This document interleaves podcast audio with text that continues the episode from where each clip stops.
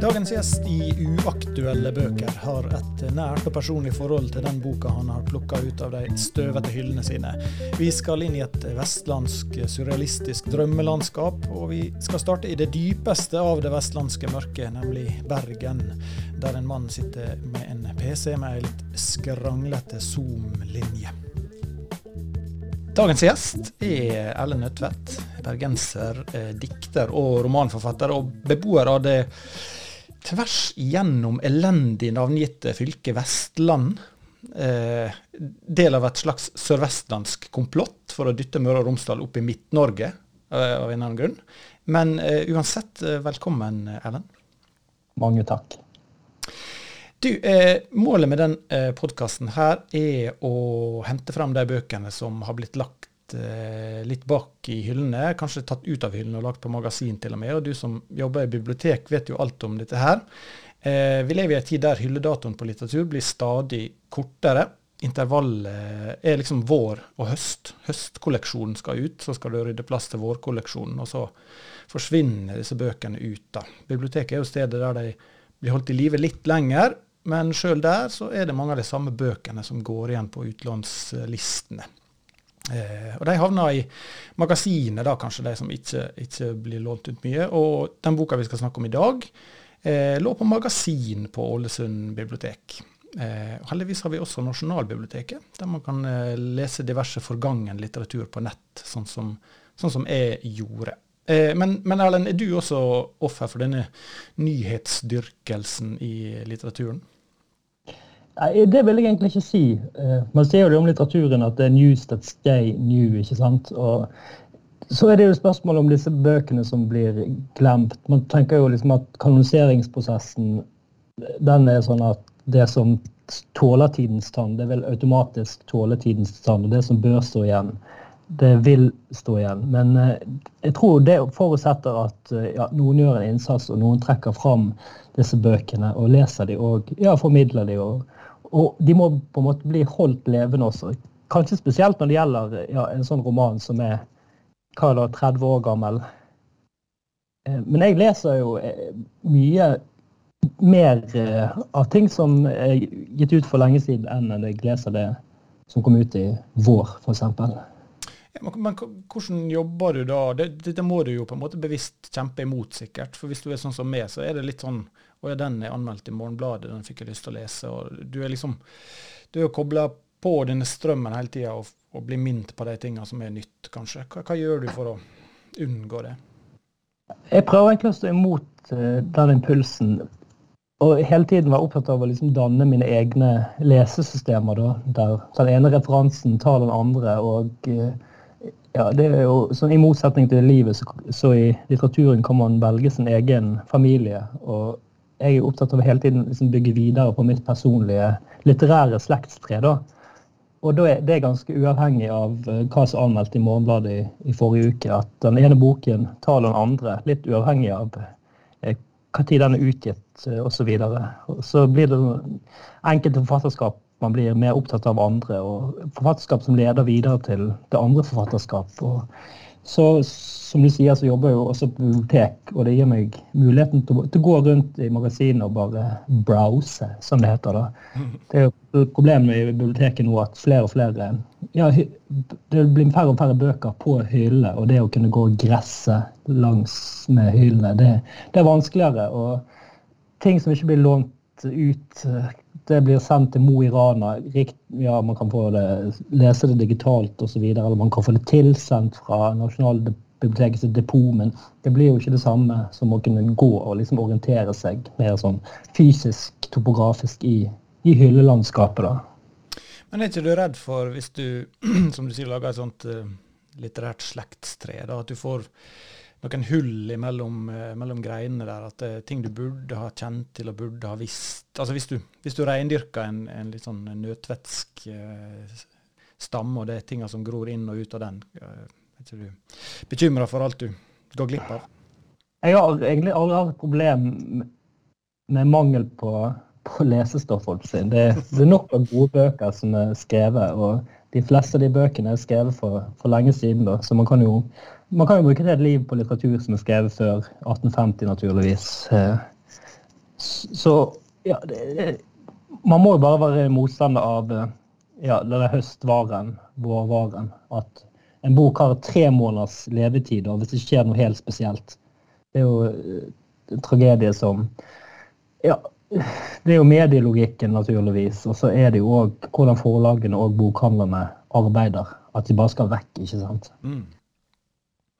Til eh, vår lille samtale i dag så har du bedt meg om å lese ei bok av eh, Rolf Sagen. 'Lyden av vatn', som kom ut i 1990.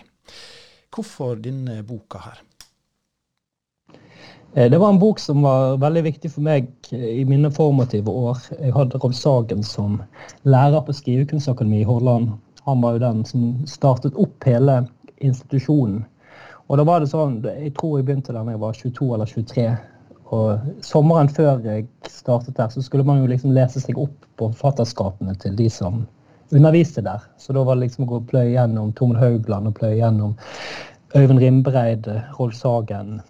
Eh, ja, de, de lærerkreftene Jeg tror ikke det er sånn nå at eh, de nye studentene liksom les, eh, skal ha lest seg gjennom, som en helt selvfølgelig ting, har lest seg gjennom det samlede forfatterskapene til de som skal være skrivelærerne dine. Da. Det tviler jeg dessverre på. Men jeg gjorde i hvert fall det og tok det ganske alvorlig. At jeg skulle ha full koll på, på de forskjellige estetikkene som jeg skulle liksom bade i. da.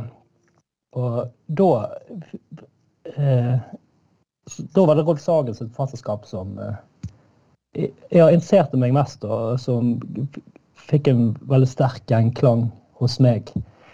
Og den lyden av vann er jo mange, av mange regnet som hans sterkeste bok, kanskje sammen med en annen sånn kultklassiker som heter 'Spring for fjorden', som kom ut i 1986. Det er vel de to bøkene som er høydepunktene i, i hans forfatterskap. da. Som er et veldig variert forfatterskap, sjangermessig og stilmessig. Rolf Sagen er en veldig spennende forfatter. Han har tidlig ute med, med mye i Norge. Han skrev bl.a. en dokumentarroman om politivoldssaken i Bergen. 'Mercedesrytteren' heter den. Den kommer vel ut i 88 eller noe sånt. Han debuterte med en kollasj som var ut Kvengedal, heter han, Som var en bok som besto av utklipp fra eh, diverse lokalaviser ja, i, fra Møre og Romsdal. Han har skrevet noen sånne hardcore modernistiske bøker. Han har skrevet en kommersiell bok i 'Mørkets gjerninger' som fikk Kritikerprisen og, og, ble mye lest. Og han har skrevet diktsamlinger han har skrevet barnebøker. Han har et veldig rikt og, og, variert forfatterskap som som sagt går i veldig mange retninger og behersker og veldig mange forskjellige stiler. Da. Men så denne lyden av vann står jo i en slags særstilling nett, bare fordi det, det er bare så god roman, syns jeg. da. Det er en det er en roman som er, har alt det jeg ser etter i en god bok. Det er liksom, Den er stemningsfull. Den er ja, den er mystisk. Den er gåtefull. Han har et veldig sånn eksistensielt trykk i seg, da. Så ja, jeg vet ikke hva du syns om denne boken. Nei, jeg var jo, Det jeg kjente til av, av, Rolf Sagen fra før, var jo 'Springfart ved fjorden'. da. Og Jeg tror jeg leste den eh, i forbindelse med at det var en sånn kåring på NRK med Norges morsomste bok, eller et eller annet sånt, som jeg tror Ragnar Hovland vant et år. Eh, og Det var da jeg, jeg snubla borti den boka. Før var egentlig forfatterskapet hans helt ukjent for meg, selv om han er jo da vokst opp fant jeg ut i sykkel. og har gått gymnas i Ålesund og, og, og, burde på en måte Men har ikke noe navn her sånn sett som, som, som lokal forfatter eller sånt. da. Eh, men den boka her overraska meg jo veldig i forhold til 'Springfart ved fjorden', som var jo mer altså, en sånn rabulistisk eh, og, og, og, vill og utemma saga om både dette og hint og sodomi og diverse. Eh, som var veldig morsom, men kanskje ikke ga meg så veldig mye mer enn det. da. Altså den, den, den eh, Jeg likte den veldig godt, men mer på sånn overflateverdi, kanskje, hvis det, hvis det, er et norsk ord. Mens den boka her krevde vel kanskje mer at jeg brukte litt tid og, og ja, måtte skjønne hva er det her for noe, da, før jeg liksom klarte å ta det inn. Så vi kan jo snakke litt om grunnene til det også. Men, men uh, det var en positiv overraskelse for meg, altså. Uh, Og, og, og, jeg vet ikke om jeg hadde liksom avskrevet Rolf Sagen etter den boka som en litt sånn humorist. og Det, det er veldig skummelt å si det, men, men, man kan jo havne i den fella at man tenker at uh, det som er morsomt, det er lett. Og jeg er veldig motstander av det synspunktet sjøl, men, men, jeg måtte ta meg sjøl i å, å, ha tenkt det nå, kanskje, uh, om, om, han. da. Men når, når jeg nå satte meg ned og studerte bibliografien hans og, og leste den boka, her, så ser jeg jo at det rommer enormt mye mer enn det jeg har sett for meg. da. Og Det er vel kanskje betegnende for et sånn type forfatterskap som hans, tror jeg. At han har vel aldri blitt et sånn Hva heter det? Household name, som de sier på eh, engelsk. Eh, ikke blant liksom de store vestlandsforfatterne. Hvis man begynner å ramse opp dem, da, så, blir han sjelden nevnt der. Eh. Og jeg vet ikke om det kan henge sammen med akkurat det du er inne på. liksom det litt sånn eklektiske og mangfoldige i forfatterskapet, som, eh, som spriker litt i mange retninger, eksperimentelt og utforskende og sånt. Og da er det ikke så lett å, å båssette og, og, skrive snappy artikler om han. da. Nei, han er en forfatter, men også en forfatternes forfatter.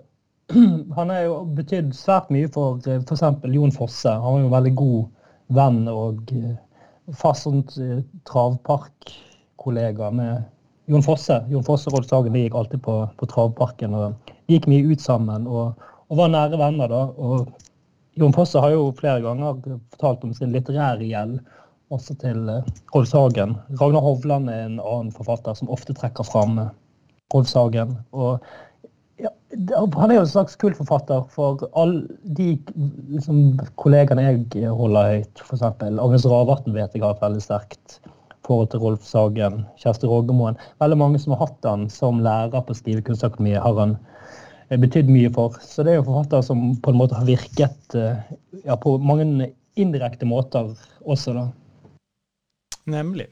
Eh, vi får bevege oss inn på, på den boka her og, og, begynne som man gjør i eh, en omtale av en bok med et lite handlingsreferat. Og eh, der har vi jo en utfordring, kanskje.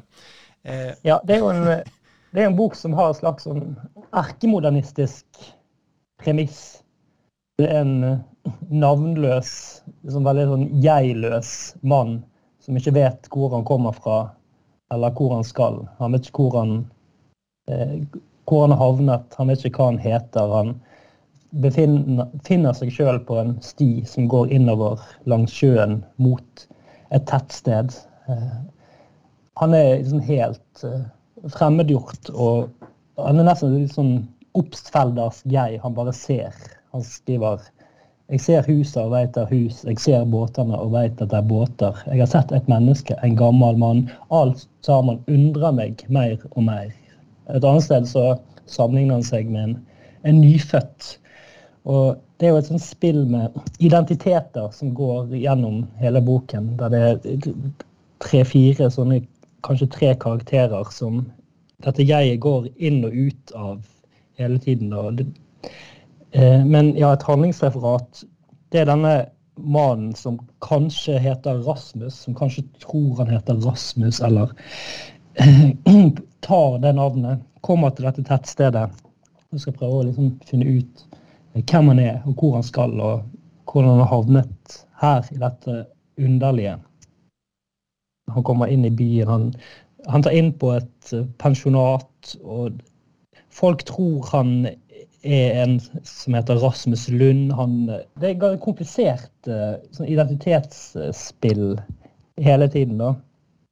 Og så har han eh, i lommen sin så finner han et innsydd manuskript der en karakter som heter Robert Blikt, beskriver en reise eh, som Kjetil Bjørnstad i sin Aftenposten-anmeldelse kalte en av de mest suggererende reiseskildringene i, i, norsk litteratur. Noe jeg kan være eh, veldig enig i. da. Det var før, det, før, Vestlandet kom ut, da? gjerne. ja, det kan du si. Ja, det, det er romanen som er, som er vanskelig å sammenfatte. Egentlig er den ganske elegant komponert det er en slags antydet sirkelkomposisjon her, der eh, slutten kanskje er forlengelsen av eh, Nei, at begynnelsen kanskje er en forlengelse av slutten. Men man følger liksom tre parallelle løp, kan man si. Og man er hele tiden i stuss hvem som er hvem, hvem dette jeget er. Som sagt så går dette jeget ikke sant, inn og ut av identitetene. Ja, det, det, det, det du sier om en sirkelkomposisjon her, som, som satt igjen hos meg etterpå. at jeg, jeg, skjønte ganske tidlig at det gikk den veien, kanskje. At vi her skulle tilbake til utgangspunktet og få en slags forklaring på hvem denne mannen var, og, og historien hans. Og det får vi vel også delvis, da, selv om det, det ikke blir slått fast. Eh, vi har jo denne kvinna Gjartrud Lund som, som, han tar inn hos, og som, som er vel kona til denne Rasmus, egentlig. Som enten kjenner han igjen eller ikke gjør det som Rasmus, og på en måte spiller litt med han. Eh, og, og gir han noen nøkler til, til, huset som viser å være hans egne nøkler, som passer til dørene der fra før. Altså han, vi, vi, kan jo anta kanskje at det er Rasmus som har lagt ut på flukt fra Hjarterud på et tidspunkt. Det, det er jo en sånn slags antyda utroskapsaffærer også, som, som, kan ha vært utløsende. eller sånt. Men alt, alt det her blir jo bare spekulasjoner, fordi det, det spilles liksom så lett med, med disse ulike identitetene. Og, og, og man, man, vet, som du sier, aldri helt hvem, hvem er det som snakker nå, og, og hvor er vi? da? Jo, det med at man, det er vanskelig å utlegge plottet og narrativet. Det, jeg, det, det er ikke denne romanens uh, hovedsak. Det, for meg er det en roman som er utrolig stemningsmettet og suggererende. Han har et driv i seg som man har, eh, jeg nesten ikke helt forstår helt hvor kommer fra. Det er noe sånn gåtefullt. Og det er også en ganske poetisk uh, prosa her. Det er veldig mange sånn ja, eh, poetiske passasjer og, og, skildringer. På Smussomslaget så blir jo bok blir, eh, eh, ja, forfatteren eller boken sammenlignet på både Det står både Kafka, Beckett og Vesaas kan falle inn i tankene når en leser denne romanen. Og Det er jo liksom dette drømmeaktige landskapet som blir paret med en slags hva skal man si, en slags paradoksal realisme i, i det, det, flytende og drømmeaktige. Så de mest usannsynlige, fantastiske utsagn eh, fremtrer som virkeligheten. For dette er en slags sånn deskriptiv detaljrealisme i det. da. Mm. Så jeg syns denne følelsen av å være fremmed på, på jordkloden og se ting for første gang er veldig godt beskrevet i boken. Ja, det, det, er jo et eller annet her med at det eneste som er konkret og, og, og til stede alltid, det er landskapet. Liksom det, er, det, er, naturen. Mens alt annet er i flyt. da. Du forstår egentlig ikke så veldig mye annet enn en, en sted. Altså her er jeg nå. Jeg ser det jeg ser. Men, men alt annet er bare kaos og, og rot og, lengt og leiting, kanskje. Uh, Sagen var vel utdanna psykolog, så vidt jeg har lest meg til. Så her ligger jo noe Det er jo en utforsking av et indre landskap også, selvfølgelig, der, der noen grender er veldig farlige å reise til. Her blir jo stadig nevnt uh, sånne fantasibygder og fantasisjøer som, der du ikke bør bevege deg. Dit, dit kan du dra, da kommer du aldri helt tilbake. Som er en veldig sånn åpenlys parallell til det indre landskapet, selvfølgelig. Og så er, er det noen plasser det, det, er trygt å gå. Det er alltid trygt å gå ned på stranda og snakke med han, han Simen som sitter der. og Han dukker vel opp i annethvert kapittel og har en, en like fantastisk og vill eh, forvrenging av virkeligheten for hver gang. Det var jo noe av det kosteligste med den, sånn, utenom det dybdepsykologiske, var jo å lese disse utlegningene til Simen om da han har vært på, funnet en meter lang hermetikkboks full med fire sylta pikebarn nede i fjøra. Vært på, vært på fuglejakt med sprengstoff og satt igjen med sånn 37 meter lang, svart fjær. Eh, så alt det der er blanda liksom inn i dette. Denne leiteprosessen til, til hovedpersonen. Som du, og, og, og, og, som du sier, så skaper det en eller annen merkelig sånn trylledrikk som du blir forført av. da det her, eh, den, den miksen her.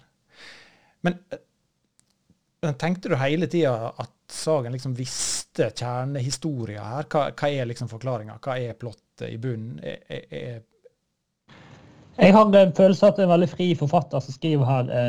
Det må forresten en følelse av at forfatteren overrasker seg selv underveis. At det hele tiden er en blanding av det beherskede og det mer burleske og spontane. Som, som du sier, er, Sagen var psykolog. Han var veldig opptatt av Han sa til, til oss at uh, du måtte skrive med underbevisstheten. og Han kunne kritisere en tekst for at denne her var ikke, den var ikke hentet dypt nok fra, fra underbevisstheten. Eh, også, ja, disse her er veldig sånn foruroligende tingene du nevner, disse her eh, ja, fire jent, nakne jentebarn som ligger anføttes i olje i en hermetikkboks. Eh, sånne helt sånn burleske og, og barokke og mørke ting er, det, er jo han spekket med. Og det er jo en roman som hele tiden kan leses symbolsk og allegorisk og og som et slags bilde på et, ja, et sånn modernistisk sinn i, i, oppløsning. Men det er akkurat som man samtidig unndrar seg det, det standard modernistiske skjemaet på et vis. Eh, det er jo også en slags eh, bejaende bok. Nei, det, det, er kanskje en, det, er, vanskelig å, å, snakke om denne boken. Eh, for det, han er liksom flyt utflytende, og man kan si ja, det handler om, eh, ja, om, om fravær og nærvær, og det handler om, om angst og paranoia og eksistensiell smerte. og det er to sånne grunnsymboler, motsetningen mellom steinen og vannet. Mellom elven og steinen, mellom det fastlåste og dynamiske. og Hvordan liksom det sosiale påprakker en identiteter. og alt dette her finnes eh, og er gjort på en veldig smidig måte.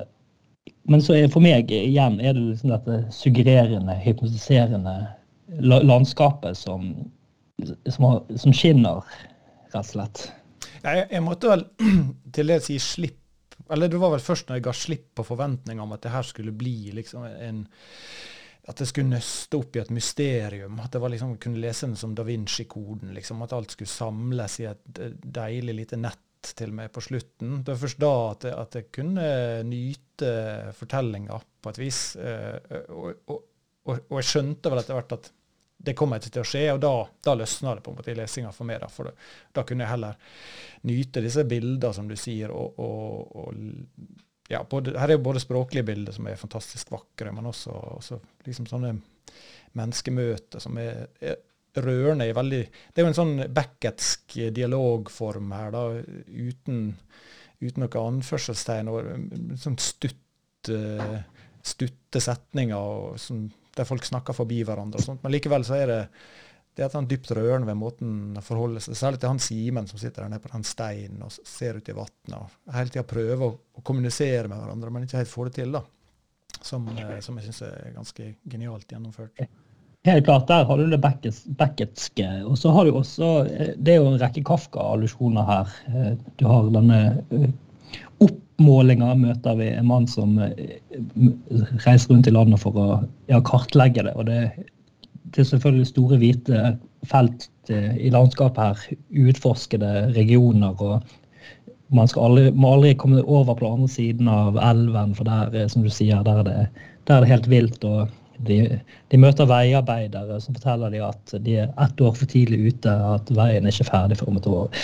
Men eh, det som er med den romanen, det som jeg liker så godt, da, for dette Eh, det nærmer seg sånn min egen estetikk. Da. Det er nettopp dette at det ikke går opp dette antyd, antyde, antyde gåtefulle. At man hele tiden nærmer seg noe, men eh, poenget er liksom at man alle skal helt vite hvor man er. Denne desorientasjonen som metode. Da. Det motsatte av å, å, fastholde noe. Det motsatte av å få plott og strukturen til å gå opp. Dette, dette åpne Eh, det er jo derfor man liker, jeg liker eh, skrekkfilmer. Første fase, oppbygningen, når man ikke eh, vet Så kommer det som den prosaiske løsningen da, på mysteriet. Jeg foretrekker å liksom skru av skrekkfilmen idet de begynner å nøste opp trådene. da. Så ja, Det gir en veldig gjenklang hos meg, for det er det jeg ser etter i, i, litteratur. Det som er liksom litt i, i villnisse. Det som ikke er avrundet. Det som, som er i drift og i, i flyt, så å si. Du slår av før monsteret kommer og viser seg på skjermen, rett og slett? Ja, for det er jo alltid en skuffelse, ikke sant? ja, det er så mange skrekkfilmer som er ødelagt av et sånt Du sitter og håper at en ikke et sånt blekksprutvesen fra Mars, vær så snill. Og så, så kommer det. Ikke sant. Ja. Og så det, er også, det er også et sånn metaperspektiv i denne boken, der han prøver å liksom sirkle inn hva, hva, språket kan gjøre, hvor, hvor, langt språket kan gå, hvor nært man kan komme eh, det vesentlige. da. Eh, det finnes mange paralleller til den springkvartsfjorden i denne boken også. Jeg leste et intervju som Øystein Widnes gjorde for lenge siden, der han sa at han hadde skrevet 'Lyden av vann' og eh, 'Spring fra fjorden' noenlunde parallelt. Eh, han har brukt syv år på denne boken, eh, gir han også uttrykk for. Og i den Springkvart 'Spring fjorden' der er det en bitte liten passasje som jeg syns eh, eh, kan si noe om den romanen. da. Det handler om en som står langs stranden og, og kaster fiskesprett som tjener mm Eh, flate steiner utover sjøen. Jeg bare leser litt sitat her. Stundom gav han seg til å kaste steiner utover fjorden. Han oppdaga fort at han kunne få steinene til å hoppe bortover vassflata. Men når han fikk det til som best, var det som, sjø, det til som best, var det som sjøen talte til ham. Men før han hadde fått tak i budskapen, tok steinen, og ei setning som liksom var i ferd med å bli uttalt, ble ikke fullført. Kasset var for kort. Han leita etter bedre heller som kunne hoppe lenger, prøvde seg fram med ymse storleiker og fasonger, lærte seg stadig bedre måter å kaste på, altså skrive på. Fant også ut at hælene hadde godt av å ligge ei stund i lomma og hente varme fra kroppen hans. Slik tøygde han den kviskende lyden lenger og lenger, men det endelige ordet, som skulle gi alt sammen mening, sokk alltid ned og blei borte i fjorden sammen med steinen. Ofte gav han opp i fortviling, men hver gang måtte han forsøke igjen, om det ikke let seg å gjøre og få hæler til å bære langt nok. Det lykkes ikke. Hele tiden eh, Det som er veldig sånn fin eh, bilde på selve skrivingen, da. Minipoetikk fra Sagen der, rett og slett. Ja, det var nesten det. Så det er som det. Eh, det er jo et sitat i, i, i den boka her også, der han sier ganske rett ut at det her er, er det, hvor sentralt det landskapet står i forhold til, til liksom skrive Eller identitetstenkinga hans også. En eller annen stad i kroppen min løgnde det seg også et spor. En eller annen stad ved grensene til meg sjøl visste jeg at kroppen min og dette landskapet var ett eh, som oppsummerer vel veldig mye av det som foregår i, i uh, boka her, på, på, et fint vis. da. Nei, mange sånne, mange sånne små perler av, uh, av både innsikt og, og, språklige bilder. Et annet uh, nydelig språklig bilde som kom tidlig i boka, det var sjøen som smatta mot stranda med de små leppene sine. Den måtte, den måtte ta en timeout. Den var fin. Ja, Rolf Hagen han er en poet, og han har skrevet virkelig gode diktsamlinger også. Noe man, jeg syns man ser veldig godt på, på, språket her. Men er det noe ved Vestland Altså, nå, nå er jo du også skrevet det inn i denne tradisjonen med, med sagenske forfattere som, som, ser på landskapet og som ser på seg sjøl og ser på eh, Maner fram en sånn magisk, tragisk realisme, vi skal kalle det. Men Ligger det noe faktisk, hvis du skal være helt ærlig med deg sjøl, i Vestlandet som oppfordrer til den typen skriving? Eller er dette, som du sier, ei grein som vokser ut av et tre som bare har begynt å vokse, og, og at det bare har blitt sånn? Det, det, er jo en blanding av at det er en litterær konstruksjon og eh, det er ingen røyk uten ild, tenker jeg da. Dette er jo, dette er jo et sånn kroneksempel på en slags sånn vestlandsmodernisme, da. Og en vest, nærmer seg en sånn vestlandssurrealisme som to størrelser. Der eh, ja, Ragnar Hovland, Jon Fosse, Einar Økland eh, er viktige navn innenfor det. Eh, jeg, kan jo, for eksempel, jeg tenkte når jeg leste den igjen nå, på en parallell til 'Morgen og kveld' av Jon Fosse. Når personen er død uten at han vet mm. at han er død. Der tenkte jeg nei, men her har jo Jon Fosse lest Rolf Sagen mm. virkelig nøye, tenkte jeg da. Eh, det er jo et kapittel i Lyden av vatn' som eh, slutter simpelthen med 'og så døde jeg'. Yeah. Så det er jo mulig at denne personen er død hele tiden. og ja, Det hentydes vagt til at han har reist seg opp fra en myr der han har, har ligget lenge. og ja, Men eh, det er, det er, jo en slags litterær tradisjon som man kan se ganske tydelig, så denne boken er et kroneksempel på. da, så Høyt oppe på hyllen og et slags definerende verk. Og For å liksom gå helt tilbake til begynnelsen, hvorfor jeg valgte denne boken, så eh, kommer jeg jo på at jeg eh, har skrevet inn ganske sånn konkrete Rolf Sagen-allusjoner i mine egne bøker. Spesielt i 'Vestlandet', der Rolf Sagen sågar opptrer som en karakter.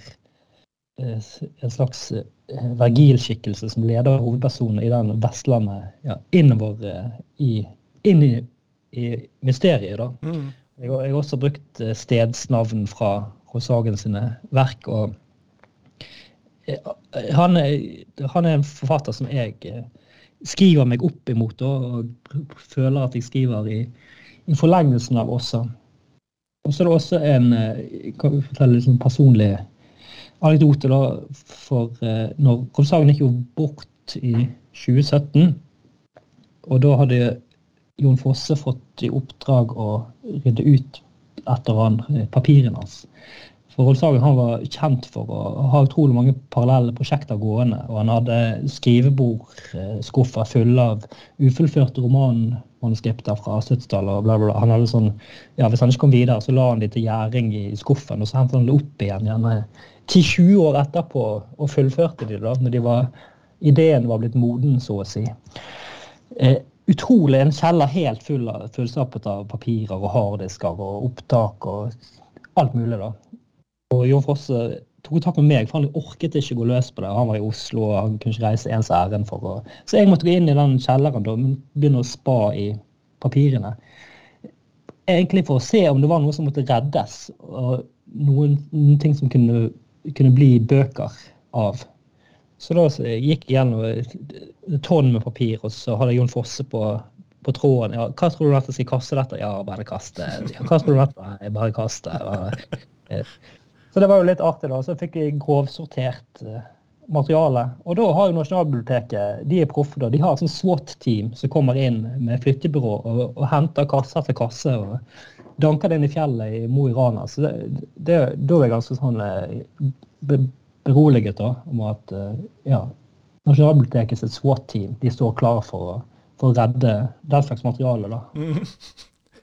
Så når vi en gang eh blir borte, så kan vi håpe at vi er blant dem som får SWAT-team etter oss. Ja, du må bare gi de passordet til maskinen din, eller helst kaste på kloren, eh, som det siste du gjør.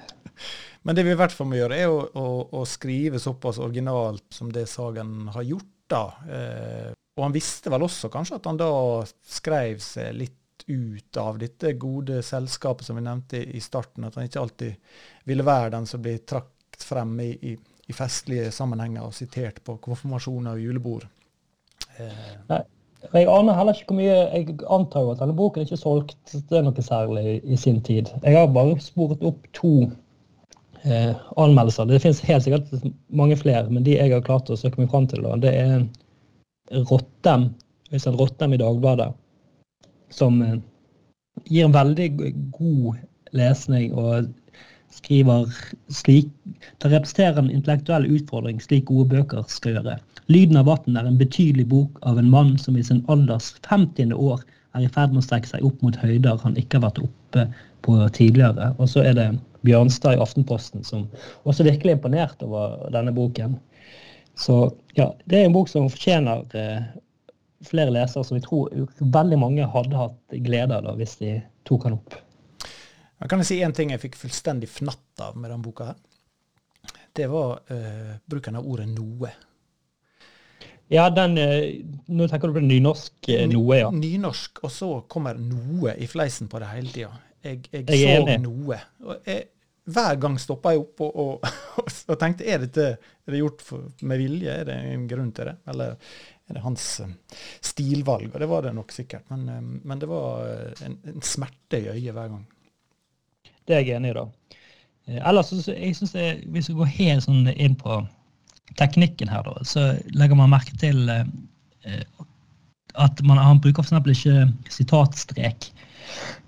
At man ofte er i stuss om, om, det er en replikk eller om det er en eh, ja, På hvilket nivå man er i teksten. da. Og Det syns jeg er egentlig ganske elegant gjort, og gir det òg sånn, sånn diktpreg eh, ofte. Der ja, disse Becketske dialogene går veldig sånn inn og ut av, av nivåene, om det er på dialognivå eller om det er på forfattermerknad eller hva det er. Det finnes mange fine som bitte små aforismer. F.eks. en veldig Becketsk en. I begynnelsen hadde jeg vanskelig for å gi opp. Den syns jeg er ganske fin. Det kan jo stå som en, eh, en veldig fin eh, avslutning på den eh, lille samtalen her også. Er det noe annet du har lyst til å legge til før vi, før vi runder av her, som kan lokke enda flere kanskje inn i, i Sagen sitt forfatterskap? Nei, det, Jeg vil bare anbefale denne boken på det, på det aller varmeste. Jeg er helt sikker. Dette her er en utrolig god roman. Et høydepunkt i nyere norsk romankunst, mener jeg. Og hele forfatterskapet til Sagen er definitivt verdt å sjekke ut. Tusen takk, eh, Erlend, og eh, god lesing videre på dine ferder gjennom bibliotekhyllene.